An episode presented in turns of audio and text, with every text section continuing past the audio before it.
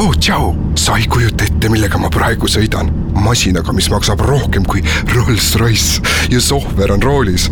Ja ma ei pea isegi ust avama. Ja istmed on nii mugavad ja mõnus kohvijook on mul praegu näpus.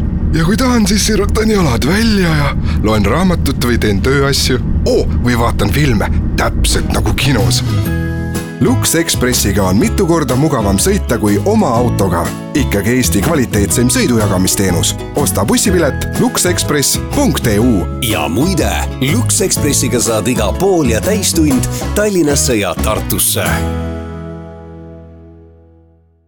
kuku raadios välja öeldud seisukohad ei pea ühtima Kuku raadio seisukohtadega. Te kuulate Kuku raadiot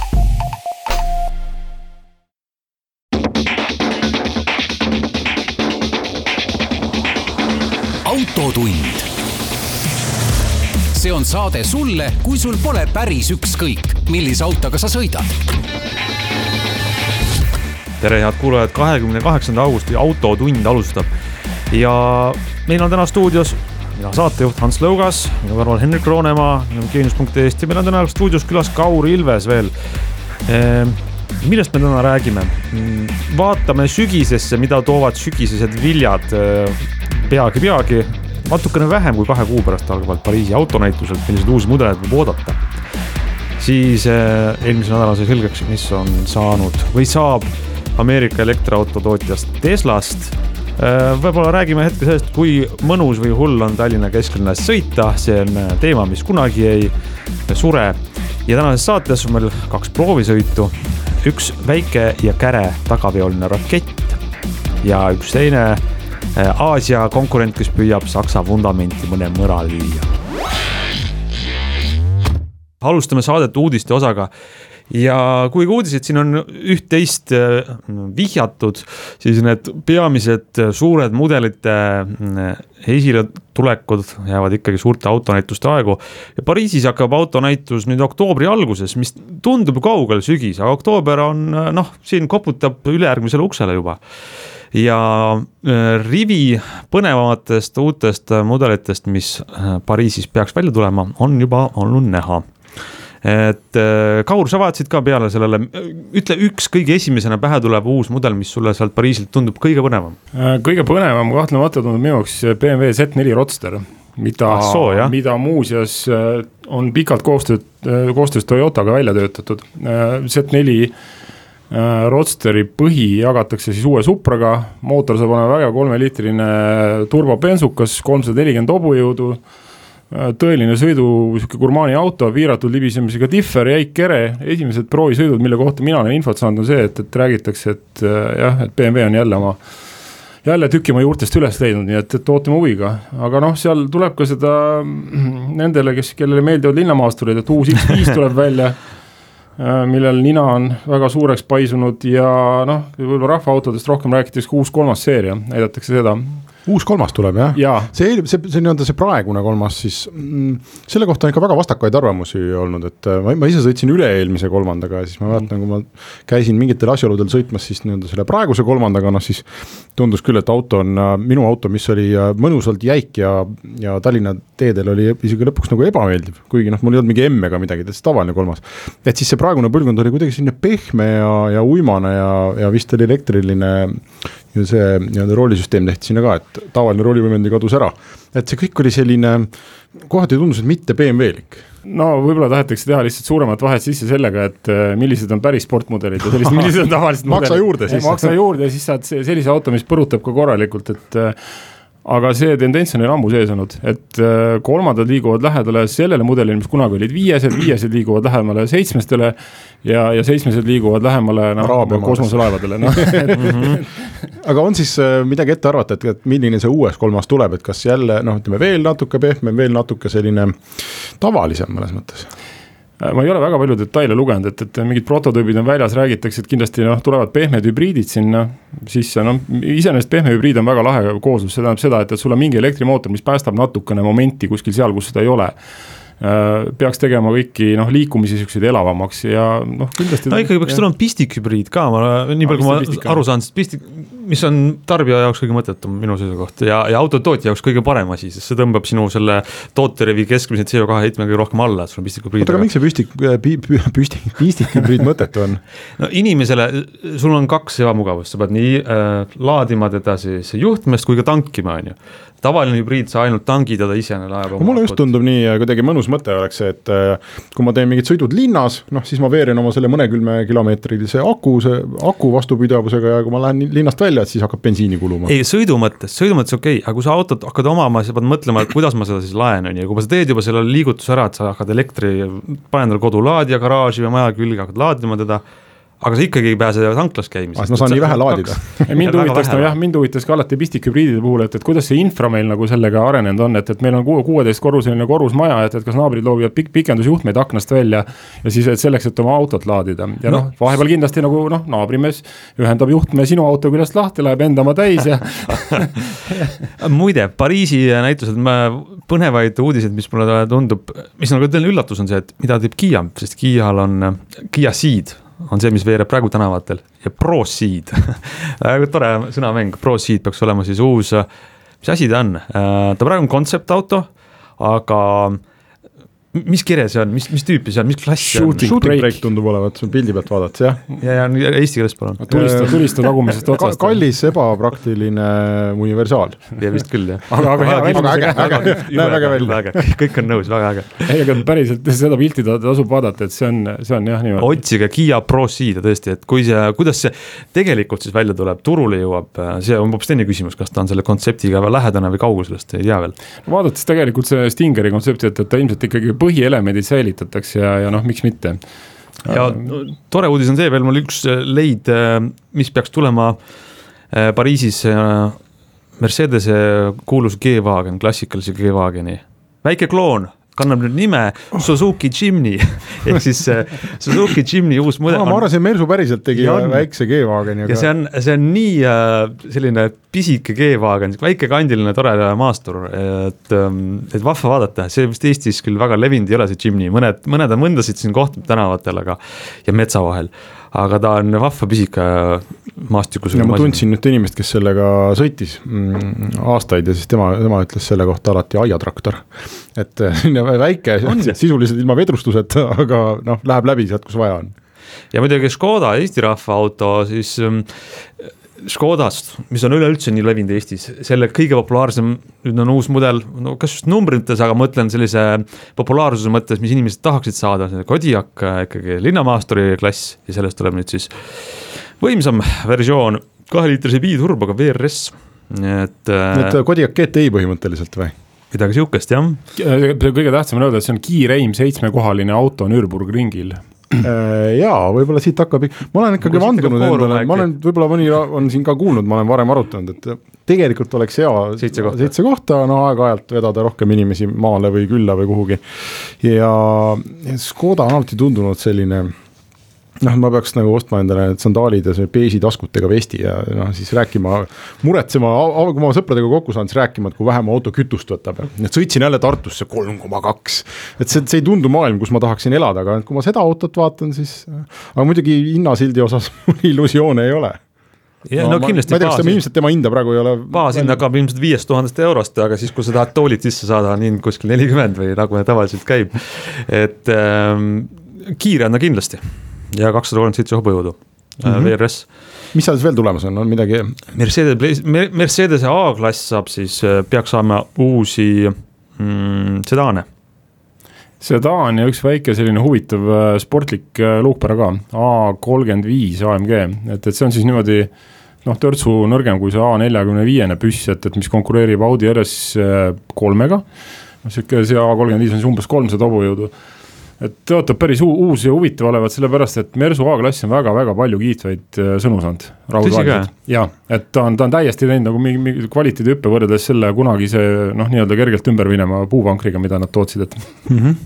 see on väga huvitav, minu arust see Mercedese kogu see brändi see selline kutse, mis neil on, ei lähe üldse kokku sellega, et ma võiks mingi kuum ja kiire luukpära olla või? ei, no AMG on ju noh, täitsa teerajaja olnud äh, kiirete autode osas, aga tegelikult see tähelepanek on õige, et äh, ma ei tea, kas see on ainult Eestis niimoodi või on see mujal ka, aga kui hakkad autot ostma, siis ikkagi Mercedese peale see mõte nagu ei lähe, ma ei tea, kuidagi ei jõua nagu selleni, et kõik. vanus ei ole selline ei no vot, võib-olla ongi jah asi ka selles, et, et, et Mersu noh, see maine on seotud kuidagi kas ma ei tea, taksode või siis selle suure kas E või S-klassiga või et et ei, võib-olla Eesti inimene nagu mina ei oska mõelda selle peale, et, et Mersu tegelikult võib ju ka midagi muud olla.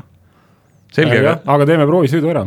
jah, muidugi, no ma usun, et ta läheb kiiresti edasi, teeb head häält ja käitub kurvides hästi, et ma lihtsalt seal on sihuke imagoloogiline küsimus, millega nad võivad tööd teha muidugi. selge, teeme siia väikse pausi ja siis räägime edasi.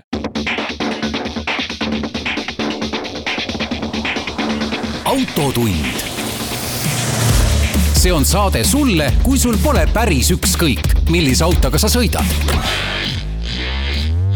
Nii, jätkame Autotunniga, me rääkisime sellest, mida me ootame siis äh, selle aasta Pariisi autonäitusest, kus peaks tulema päris palju uusi mudeleid ja isegi Audilt muide ka, me Audit ei jõudnud mainida, Audilt peaks tulema vist uus A1, väiksed autod. võiks olla ka kiired, aga kas see ka, äh, mida see A1 endast kujutab, me täpselt veel ei tea kusjuures see tundub mulle, kui ma nüüd võin tähelepaneku teha, mina ikka päris täpselt ei saa aru sellest, et et võib-olla mujal maailmas see on teistmoodi, aga Eestis ma näen, et auto omamise mõte liigub järjest kaugemale nagu väiksest ja kiirest autost. et kui mul on vaja linna vahel sõita, siis äh, Tallinnas äh, noh, ma ei tea, käid jala, sõidad trammiga, muidu istud lihtsalt ainult ummikus, on ju, või et noh, ostad siis mingisuguse, ma võib-olla, kui ma ainult linnaautot ostaks, ma vaataks väga tõsiselt mingi elektrilise auto poole. selleks, et siin kuskil ummikus istuda. ja nüüd, kui ma nina maanteele panen, noh siis põhimõtteliselt sa viis meetrit saad sõita ja siis on äh, vilkur vastas. et äh, kuhu sa selle, kes ja kuhu sõidab väikse kiire autoga, on minu jaoks praegu natukene arusaamatu. Võib-olla sa, Kaur, oskad tead ka, mulle tundub, Kauriga ma tahaks vist sellest palju rääkida pärast seda uudiste osa, kui, kui meil on üks väike käre tagaveoline rakett. no väga hea, jätame selle tähelepaneku, siis saate kümne minuti pärast kuulata. jätame õhku, väga hea mõte. Äh, ma ei saanud linnamaasturit, kui sa mainisid linnamaasturit, ma ei saanud jätta mainimata, et ka Renault lubas nüüd välja tuua, see on ka nüüd selle nädala uudis, et äh, arvake mille, uue linnamaasturi vähe on Kapturist, Kapturist, Kadjarist ja Kolehosest on vähe, rahvas on hangudega tänavatel, nõuavad uusi linnamaastureid, Arkana on siis see, mis peaks tulema täpsemalt äh, välja, mis ta endast kujutab ähm, vist Moskva autonäitusel augusti lõpus. nii et järgmises saates võib-olla saame siis täpsemaid detaile jagada. aga mis äh, viimane nädal veel oli, tõi, no ei saa jätta tõmbamata joont alla sellele väiksele vahejuhtumile, mis Ameerika elektriautode tootja juures juhtus. Aa, meie tänase saate Tesla nurk on siin. Tesla nurk, Tesla nurk, nii, pange oma hõbepaberist müts pähe, kui te olete juba liiga palju saanud Tesla signaale ja kardate, et see on, läheb, käib üle jõu teile sellest arusaamine, aga Elon Musk ütles, ta võtab oma sõnad tagasi, ta ei vii firmat börsilt ära ehk siis eh, tohutu segadus puhkes sellest, kui ta Twitteris, nagu ameeriklastest kombeks on suurte otsuste tegemisel, viskas välja, et Tesla tuleb siis, äh, võiks minna äh, börsilt ära, funding secure nagu ja, öeldi. see on see kuulus tweet jah, kirjutatud, raha on olemas. raha on olemas, kõik on hästi. sellest on saanud juba nagu legend, et kui sa tahad midagi kellelegi lubada, ulmet, siis ütled funding secured, et jaa. see jõulud ma lähen Hawaii'le funding secured. Ehm, nüüd siis ütles, et jah, et see siiski ei läinud läbi, rääkis kõigiga investoritega, aktsionäridega, äh, partneritega, ütles, et kõik tahtsid, et jääks ikkagi börsile. mis minu jaoks oli väga huvitav, see, et ma lugesin paari analüüsi selle kohta ja kus toodi välja need numbrid, millest me oleme siin ka varemgi arutanud, et kuidas see firma börsile hakkama saab ja kuidas ta saaks siis hakkama, kui ta ei ole börsil, kui ta ei pea andma avalikke andmeid, kuidas tal läheb, kui hästi ta toodab. ja ähm, üks selline tähehetk oli see suvi, kui Elon Musk ja Tesla juhtkond ütles, et me jõudsime E-tähiseni. me suutsime toota siis viis tuhat Model kolm sedaani, see on see auto, mis pidi läbimurde tegema nendel nagu massiturule. viis tuhat äh, autot nädalas, et me oleme saavutanud sellise tootmisvõimsuse. ja üha rohkem äh, numbreid on selle kohta, tuleb välja, et, et see, see oli selline väga jutumärkides viis tuhat autot nädalas et nad said valmis sellel nädalal, millega kvartal lõppes, juhtkond ütles, näete, me tegime eelmine nädal viis tuhat autot. aga vist väga suur hulk neid autosid esiteks oli juba ennem valmis toodetud ja oodati seda ühte nädalat, et nad saaks siis valmis toota. paneme viimased jupid külge ja pluss ähm, oli siis väga suur hulk neid autosid pärast selle ühe nädala lõppu ootas äh, mingit järelviimistlust. ehk siis öeldi, et need autod said see nädal valmis, me tegime viis tuhat tükki autosid see nädal aga tegelikult olid nad väga suures osas ennem ehitatud ja väga suur osa neist nõudis veel pärast seda nädala möödumist veel järelviimistlust, pluss kliendid ootasid, et nad ei saanud autot kätte. ehk siis kogu see autoehitus äh, on sellises staadiumis Teslal, et oleks väga suur ime, kui keegi oleks maksnud, ma ei tea, mingi viiskümmend või üle viiekümne miljardi dollarit see firma ära osta. no minu jah, lühianalüüs Teslast on see, et, et ma väga hoolikalt ei ole nüüd äh, fundamentaali läinud, aga ma ei usu, et, et Tesla probleemid lahendaks see, et, et kas ta on börsil või ta ei oleks börsil, et, et see, see börsil mitteolek ei. ei lahenda seda probleemi, et sul ei ole normaalset tootmisvõimekust, autode noh, reaalne kvaliteet ikkagi aja jooksul päris kiirelt halveneb, eriti salongi osas ja noh, rääkimata sellest, et nad on jõudnud tasemeni, kus nad põletavad circa kuussada miljardit dollarit iga kvartal. et noh, kui seda. kuussada miljonit eh,. Sorry, kuussada miljonit jah ja,, mul läks natuke juurde, aga noh, ega, ega noh. noh, selge on see, et, et, et, et kui sul on umbes noh, neli kopikatega miljardit äh, säästupõrsas, et, et siis on sihuke kuue kuni kaheksa kuu küsimus, et, et kui see põrsas on tühi ja noh siis. aga kust see tulnud on, märkimisväärne osa on tulnud sellest, et inimesed maksid raha ette, et saada see Model kolm. ei no investoritelt ka on tulnud ja ta on ikkagi börsile unusta ja seal on igasuguseid äh, võimalusi, seda börsi, äh, börsi asja kohta on üks huvitav selline mõte või, või teooria, et äh, või no mitu põhjust, miks ta nüüd siis ei tule börsilt ära, et noh, üks variant on öelda, et Elon Musk otsustas, sest nii on parem mm, teine variant on öelda, et ta lihtsalt ei saanud raha kokku, on ju. et kuuldavasti olevat niimoodi olnud, et saudidega oli, tõesti räägiti sellest ja ma ei tea, kui lähedal või kaugel see deal siis oli, aga pärast seda Elon Musk'i tweet'i muutusid saudid väga murelikuks ja, ja olevat äh, omavahel arutanud, et kas äh, selle inimese tervisega on üldse kõik korras. et noh, kas me oleme nõus üldse panema raha äh, sellise inimese nagu käsutusse, kelle, kelle käitumine on ettearvamatu. ja noh, põhimõtteliselt saudid hakkasid kahtlema ja tehing jäi ära. ja, ja noh, kolmas komponent seal on see, et, et võib-olla ka Elon Musk on leppinud nagu tõsiasjaga, et, et olla börsil, sul on omaette probleemid jah, et sul on äh, lühikeseks müüjad ja avalikkus ja kurjad ajakirjanikud ja noh, et kõigil on võimalus nagu su firma kohta arvata midagi või, või lükata seda ettevõtet neile sobivas ja sulle ebasobivas suunas. aga võib-olla see on ikkagi parem kui see, et sul oleks ikka, sul on nagu päris investor, kellel on nagu, kes, kes on üks noh, isik, eks ole, üks ettevõte, üks fond. keda ei lollita juba. keda noh, keda sul on palju raskem lollitada versus, eks ole, väga suur hulk Tesla fänne, kes, kes usuvad ka asju, mida numbrid ei näita. et tõenäoliselt investor oluliselt vähem usub seda, mida Elon Musk räägib, versus siis Tesla fännid, kes võivad olla ju investorid. eks noh, sa võid lollitada nagu mõnda inimest mõnda aega, aga ega sa nagu kõiki inimesi kogu aeg ei saa lollitada, et, et et eks, eks näeb, mis Teslast saab, noh kahtlemata ta on, noh, ta on märgiline ettevõte, eks, et ta ju tegi ukse lahti ka teistele autotootjatele, saatis sõnumi, et, et elektriauto võib olla äge, ta võib olla sportlik, ta, ta võib olla nii-öelda noh, nagu disaini element sul võib-olla kuskil toas ja jah, miks mitte, selles mõttes, aga, aga, aga Tesla jah, Teslal on äh, tõsised probleemid, eelkõige see, et, et, et äh, teised autotootjad on auto tootmist harjutanud viimased sada aastat, no nemad on teinud seda kui palju? jah, ja Tesla puhul on äh, hinnatud, et ikkagi see bränd on hea. Bränd on, tal on väga tugev jälgijaskond on ju ja, aga autod ise, kas need autod ja kas see tootmisvõimekus neil on hea, et ilmselt väga mitte, on ju. Meil on veel minutike uudiste osa lõpuni, mis tähendab, et mõtlesin teiega korra arutada teemat, kas Tallinnas on asjad nii hulluks läinud, et enam autoga sõita ei saa kesklinnas? Ehm, saab küll, esiteks saab ja teiseks äh, see läheb varsti üle. Need remondid saavad mingil hetkel valmis kas praegu on see viimane lööktöölaine, enne kui kooliks valmis, äh, asfalt maha, kõik kogu.... valimised on ka tulemas. ja valimised ja ilmselt ma kardan, tahtsin just sama asjani jõuda, et äh, peame natuke veel ootama seda, kuni päris päris korda saab, miks mul see mõte tuli, üks äh, Eesti elektrirattatootja Stigo ütles, et nemad annavad nüüd, äh, nad juba andsid ühele pangale kesklinnas oma rattad, äh, Hiltoni hotellile oma jalgrattad. nagu selline mulje jääb, nagu Tallinnas ei saaks liikuda enam autoga kesklinnas. aga, aga ikkagi saab, ei ole nii hull ju no iseasi, kas on ikkagi mõtet mm,, ilmad on meil väga pikalt väga head olnud. et äh, Eesti kohta on ju alati räägitud, et üheksa kuud aastas tuleb sul karva, karvajope selga ja noh, karvase kapuutsiga jope, tuulekindel ja vihmakindel.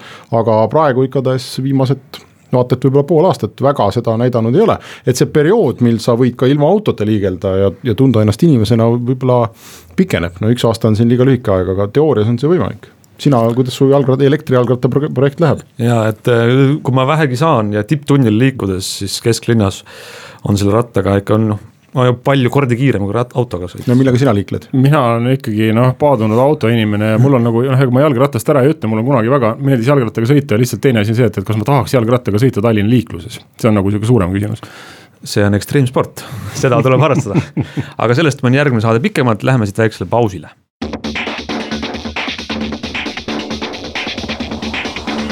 Autotund. see on saade sulle, kui sul pole päris ükskõik, millise autoga sa sõidad Lähme autotunniga edasi, meil on äh, tänases saates paarist proovasõidust juttu ja nagu lubatud, siis äh, nagu juba mitu korda välja kõrritatud, siis meil on juttu nüüd ühest äh, BMW M2-st. ja Kaur, äh, sa käisid selle M2-ga sõitmas, õppisid seda autot tundma mitte ainult oma silmade, kätega, vaid ka selgrooga, igatpidi, on nii? ja, ja raske gaasijalaga kindlasti, et, et see on auto, mis seda väärib ja noh, ma ei tea, lugejad võib-olla, kes ei tea, mis asjad on M-seeria masinad, et, et võib-olla väga palju detaili ei lähe, aga see on midagi täiesti teistsugust tavapärasest BMW line-up'ist nii-öelda, et, et see on puhas motorsport, orienteeritus, vahetu fookus, keskendumine sõiduemotsioonidele ja, ja loomulikult kogu see auto nii-öelda noh, see konfiguratsioon täiesti teistsugune, et, et noh, ma eeldasin sihukest vahetust, noh, ütleme nagu umbes me Watch idega, Megane RS-iga, see oli midagi täiesti teistmoodi et aga, aga M2, räägi see kaks ära ka, et kus ta asetseb selle M-ide seas? ta on äh, kõige väiksem, kõige kompaktsem M-seeria masin hetkel, et äh, no ilmselt no selliseks ta jääb, et ja ja nagu ma kirjutasin ka, et, et detaile võib lugeda sealt artiklist, aga, aga see, see võttis jupp aega, enne kui BMW tuli lõpuks välja nagu sellise pisikese, kompaktse ja jõulise mudeliga. mis, mis on väga-väga hea, sellepärast et noh, enne olid pikalt nii-öelda M3, M4 mis olid selgelt väga-väga kallid, ühest küljest nagu ka supervõimekad autod, aga, aga noh, entusiastid tahtsid midagi, midagi natukene kättesaadavamat. ja ma olen ka kuulnud seda, et, et paljud inimesed, kellel on vahendid, et osta M3, M4 või M5, valiksid pigem tegelikult M2. no miks nii? No see on nii-öelda tagasi oma juurte juurde minek, et mis ei ole üldse halb, et, et avastada see nagu puhas sõiduruum ilma igasuguste elektrooniliste vidinateta, ilma igasuguse adaptiivse vedrustuseta, ilma nuppudeta, et, et seal on. baas on paigas, võimas turbomootor, tagarattav vedu ja, ja tõesti nagu ma ütlesin, et, et, et tagasild on sõna otseses mõttes otse kere küljes, seal ei ole mitte mingisugust filtrit vahel ja noh, sul võib tekkida kahtlus, et ma mõtlen, et kuidas seletada seda inimesele, kuidas ta nagu aru saab, et, et miks see nagu nii on või miks ta hea on noh, mõtlesin erinevad variandid, näiteks jalgrattaga, lased kummid tühjaks, on ju, sõidad, on, on halb sõita, ei juhi eriti hästi ja noh, üldse võdistad. valus ka on. valus ka, eks. Aga siis pumbad kummid täis ja hakkad põrutama ja saad aru, et, et see on hoopis midagi teistsugust, noh, teine asi on see, et, et inimesed, kes ratsutanud on, teavad, et, et noh, kui sulle antakse näiteks nagu perutäkk tagumiku alla äh, ta võib väga ohtlik olla, aga kui sa seda kontrollid, see on kohutavalt fun, noh, ma ise olen sõitnud mingi eluetapis üsna pikalt, et ma tean seda ka. Ja noh, järgmine oligi, et, et mida me otsisime, et, et kas temaga on võimalik linnas normaalselt sõita. siis on, see mul oli esimene Võt küsimus, küsimus kohe. täpselt ja mis sa vastad? no mis ma vastan, ma vastan seda, et, et sa, sa pead olema valmis nagu natuke kompromissideks, et, et, et kuigi tegelikult meie linnas teede kvaliteet on piisavalt okei okay, et aga temaga saab sõidetud, ta ei ole, ta ei ole nagu selline vastik, peksev, põrutav asi. noh, on kohti, kus sa pead jälgima, no on trammirööpad, võib-olla lähed natuke aeglasemalt sealt üle lihtsalt, et ja aga, aga sellel tagumisel sillal, miks ta just selline on, tal on oma mõte ja nagu see tuli ka välja see, et, et, et siis, kui hakata tempot tõstma siis ta annab sulle nagu ääretu kindluse, selles mõttes, et sa, sa, sa kontrollid iga millimeetrit seda, mis seal toimub sul tagumise otsaga, sul on piisavalt võimu, sul on rattad on lukus. sisemine ratas ei käi ringi, lähed kurvi sisse, sul on täielik tasakaal selles mõttes, et, et sul ei ole seda, et, et. et esimene ots kuidagi libiseks ära või tagumine ots libiseks ära, saad autot sada protsenti usaldada, ainult hoia roolist kinni ja anna gaasi ja tee seda kuidagi noh enda nii-öelda võimete, võimetega kooskõlas. ja sa tunned täpselt no. ära, et kui palju on õige ja. jah, ja sa tunned ära, kui palju õige see mootor annab täpselt veel ka selle võimaluse, et, et ta on, ta on turboga mootor, ta on neljastne. ta on teistsugune kui vanad nii-öelda M-seeria mootorid, mida kõik igatsevad taga vabalt hingavad, no see on sihuke nagu nutta taga, ma ei oska öelda, noh, vedruvankriga, kindlasti tal on omad romantilised nagu pooled aga võimekuselt see, et sul on jõud olemas seal, kus on just seda vaja, see lööb see mootor kindlalt pildi eest, no nagu klassikud on öelnud. inimesed ostavad hobujõude, aga sõidavad pöördemomendiga mm, -hmm. noh, see on see miks tegelikult ju noh, ka diislitel nii palju võidukäiku tehtud on, et. kus sa selle M2-ga sõitsid? ähm, linnas sihuke päris korralik tiir, kehvadel teedel, headel teedel just noh, normaalkiiruselt aru saada, kuidas toimib ja siis linnast välja vanad äh, Tallinna ralli kiiruskatsed, mis on väga kurvilised kallutatud kurvid, hüpped, vastikud teed, et, et no aru saada sellest, et kuidas ta seal käitub. ja noh, vägev, et äh, ma ei oskagi öelda, millest nagu alustada, et, et üks on nagu see, et, et sul on selline dünaamika, et sa saad autot aktiivselt juhtida Äh, tagumise silla kaudu, esirattaveoga sul seda ei ole, millest mm -hmm. me rääkinud, lähed kurvi sisse, annad gaasi, esiotsa hakkab kuhugi ära minema, no uued esirattaveolised on head selles mõttes, aga ikkagi. ja no siis võtad gaasi maha, on ju. ja, ja võtad, no täpselt. et hakkab käituma. sul aktiivne juhtimine käib ka esirattaveolis niimoodi, et sa viskad gaasi maha, siis, siis sul tuleb sama mängu, aga mm -hmm. seal tuleb sama mängu sinu aktiivse tööga gaasipedaaliga. et noh, sellega muidugi peab ettevaatlikult ringi käima, aga, aga kui sa seda piiri tajud ja ta annab selle piiri sulle nii kergelt kätte et sa saad aru, et kus ta on ja muidugi noh, tuleb ka nagu ausalt öelda, et tänasel päevasel need autod on nii võimekaks läinud, et. et sa pead tegelikult väga-väga kiirelt sõitma, et see piir kätte saada ja, ja kindlasti noh, et, et kui keegi endale sellise auto juhtub ostma et siis silmad lahti, tee peab puhas olema, et, et ära ohusta kedagi, et see on selline natuke mul disclaimer ka, et, et sealt jutust kõlas nagu mulje, nagu me oleksime mingisugused hullunud rollnokad võib-olla. aga kõik see asi sai korda saadetud niimoodi, et, et kedagi ei ohustatud kedagi liiklusest oli plass puhas, sa nägid ette, millistesse kurvidesse sa läksid, sa tunned seda teed ja siis sa sõidad ja siis sa tunned sellest nagu täielikku mõnu ähm,. Veojõukontroll on ikka peal, et arvuti sekkub enne kui sa puusse lendad või ei sekku? E, ja, ja ikka on, aga noh, ma, kuna auto oli niimoodi kasutuses, ma lükkasin selle välja kohe ja, aga no põhimõtteliselt on. ja on, on loomulikult, et, et elektroonika tänapäeval on selline, et, et sa võid ikkagi noh, nagu püsti loll olla, et, et ei juhtu nagu midagi.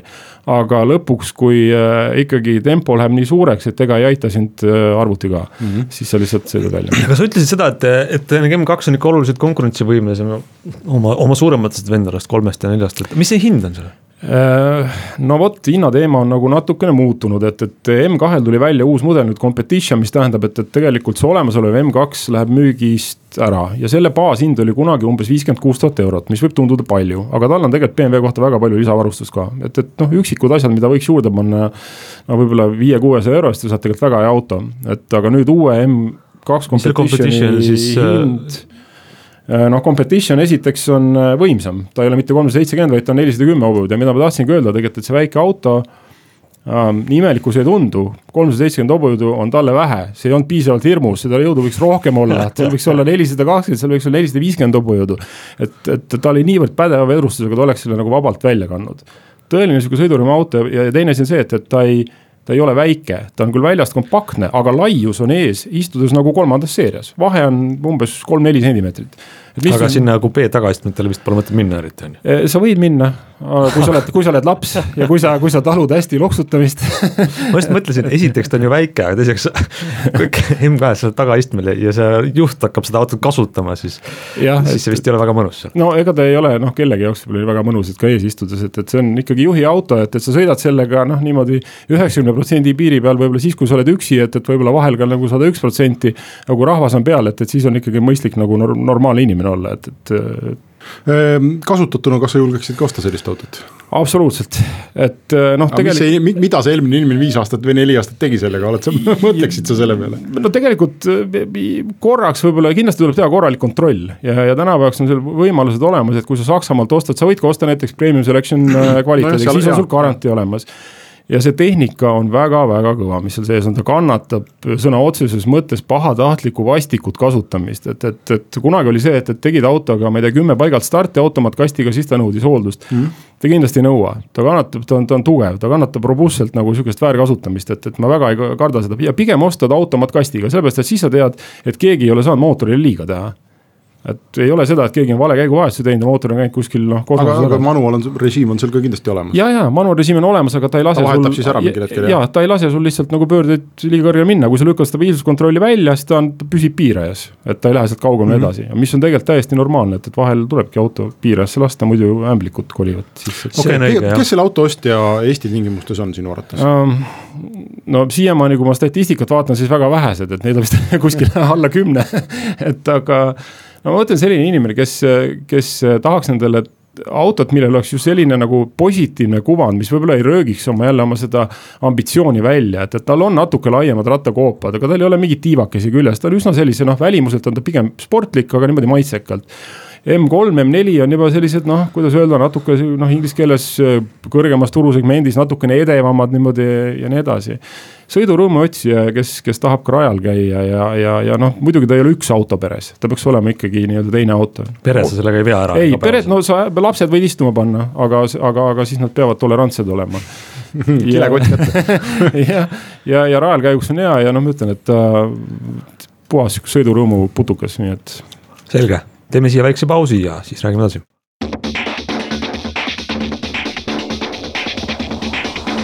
autotund.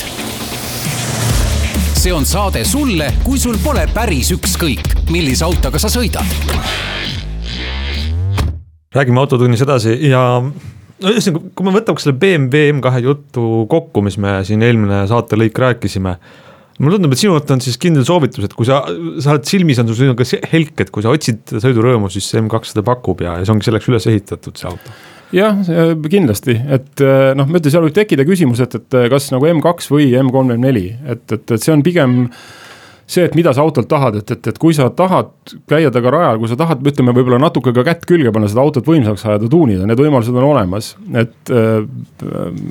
et kindlasti on soovitatav, M34 on natukene juba võib-olla siuksed ümaramad pakkumised. tulles tagasi selle minu küsimuse juurde, kuhu me pidime tagasi tulema, et, et Eesti tingimustes ja oludes, kuhu, kes ja kuhu sõidab väikse kiire autoga, et sa, see peab ikkagi olema noh, nagu hobi, selles mõttes, et ma nüüd võtan ette ja lähen no ta, ta sõltub muidugi, et, et milline see väike kiire auto on, et, et M2 sobib väga hästi näiteks kahele inimesele ka road trip'iks, et, et ei ole üldse probleem, et me, me võib-olla jätsime vale mulje, ta ei ole nii ebamugav, ta on tegelikult linnas maanteekiirusel täiesti normaalne auto, tal on püsikiirus hoida peal, tal ei ole müratase näiteks ei ole üldse sugugi väga kõrge seal sees, kes saab normaalselt rääkida saja kahekümne pealt kiirtee peal sõites. kõik, kõik on täiesti okei okay., et ta on täiesti tarbitav aga noh, ta on, ta on pigem selline noh, praktilisuse koha pealt nõuab kompromissi, et sa ei saa kogu peret sinna võib-olla alati peale panna või kui sa saad, siis teed lühi, lühemad otsad. ei, aga ma mõtlen just seda, no mis sa rääkisid, et, et kui sa ostad sellise auto, et noh, siis loomulikult selleks et, et noh, mitte, mitte nagu sõita kurvides nende kandiliste soovitatava kiiruse märkide järgi, on ju. et ja, ja need võimalused mulle tundub Eestis ja noh, nii mitmelgi pool ka mujal, äh, vähemasti läänemaailmas lähevad äh, järjest raskemaks kogu aeg eks, eks nad lähevadki ja, ja noh, sellepärast väga paljud entusiastid elavadki ennast ju Pärnul meie ainukesel tõsisel ringrajal välja sellega, aga noh, samale ringrada on ringrada, aga teisalt ta on ta ka hea ka siis, kui on lihtsalt selline tore looklev tee, mida sa tunned ja ta, ja ta annab sulle noh, nagu eelmine kord ütlesin Megani puhul selle, selle suraka head tunnet, natukene sihukest espressot, adrenaliini, tunnet, et, et sa oled elus, et see auto räägib sinuga kohe siin ja see, kus ta just parajasti on, et, et noh, sa ei pea selleks nagu tükkadel küljest ära sõitma, et, et rõõmu tunda. Sellepärast jaotan. see, mina, ma ise olen äh, ju noh, Golf GTI omanik ja, ja temaga on küll, äh, ma ei ole selle M2-ga sõitnud, eks ole, aga sinu juttu kuulates mulle tundub, et GTI on selle auto vastand. Äh, esirattaveoga, mingit draamat ei ole, noh, meil on see nii-öelda see elektrooniline differ on ka ees, et põhimõtteliselt noh, enam-vähem ükskõik mis kiirusega, ükskõik mis kurvi minnes, noh, sa lihtsalt lõpp, sõidad sealt läbi, on ju. ma olen, ma olen GTI-ga sõitnud. noh, kui sa päris loll oled, siis sa ei sõida läbi, aga noh, kui sa, kui sa nagu selline kaks protsenti tarkust ikkagi on veel on, on sinu ajus, et siis ta lihtsalt viib sind läbi sealt, aga noh, see.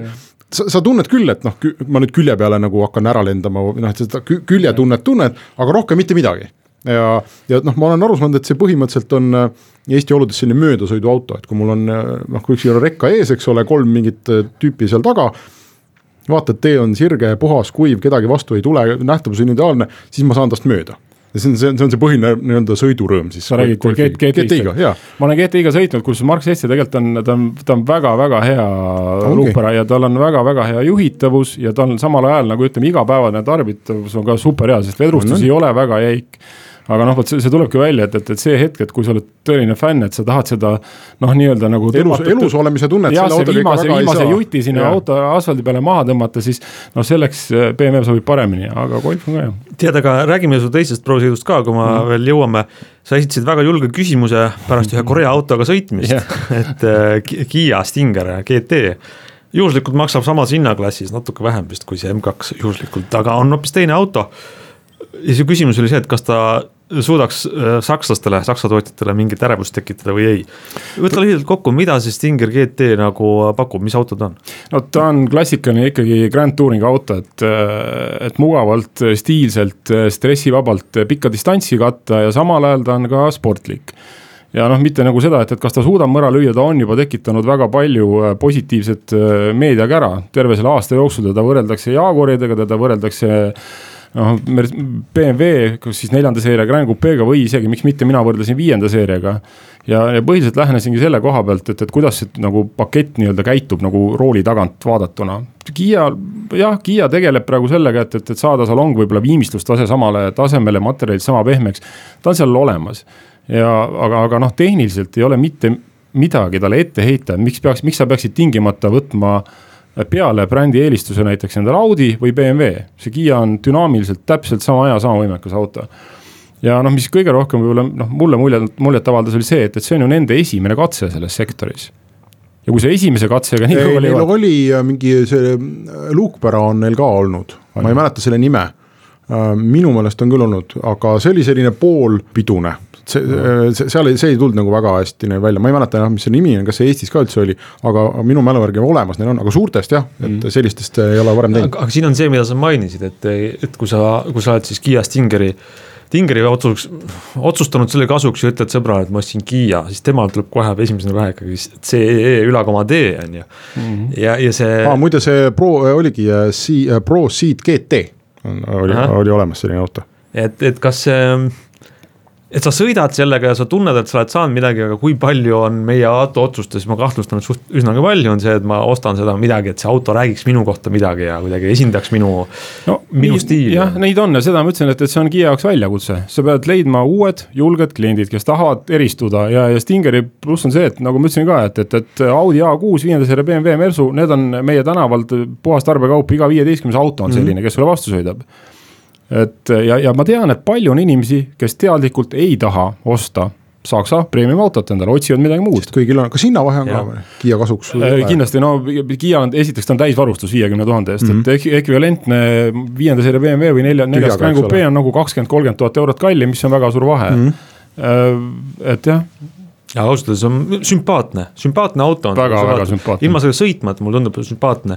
et tegelikult korealased teevad äh, väga ägedaid kõike, et, et äh, mul millegipärast tuleb ka Hyundai meelde, kes on nii toredaid ja ägedaid mudeleid teinud, mida samas segmendis, aga lihtsalt nad mm -hmm. teevad ja ehitavad oma brändi selliseks, et ma hakkan mõtlema, et kihvtid autod. muidugi, kui oleme ausad, siis sakslaste abiga ikkagi, et neil on see vedrustuse, vedrustuses on väga palju on sellist saksa tunnet on sees, esimeste meetritega on kohe aru saada ja see on, Albert Biermann on selle taga, kes oli kunagine M GmbH pealik. hea küll, soovime siis Kiiale äh, oma uute autodega edu ja mulle tundub, et tänase saateaeg vist on läbi. aitäh kõigile kuulajatele ja kohtume nädala pärast.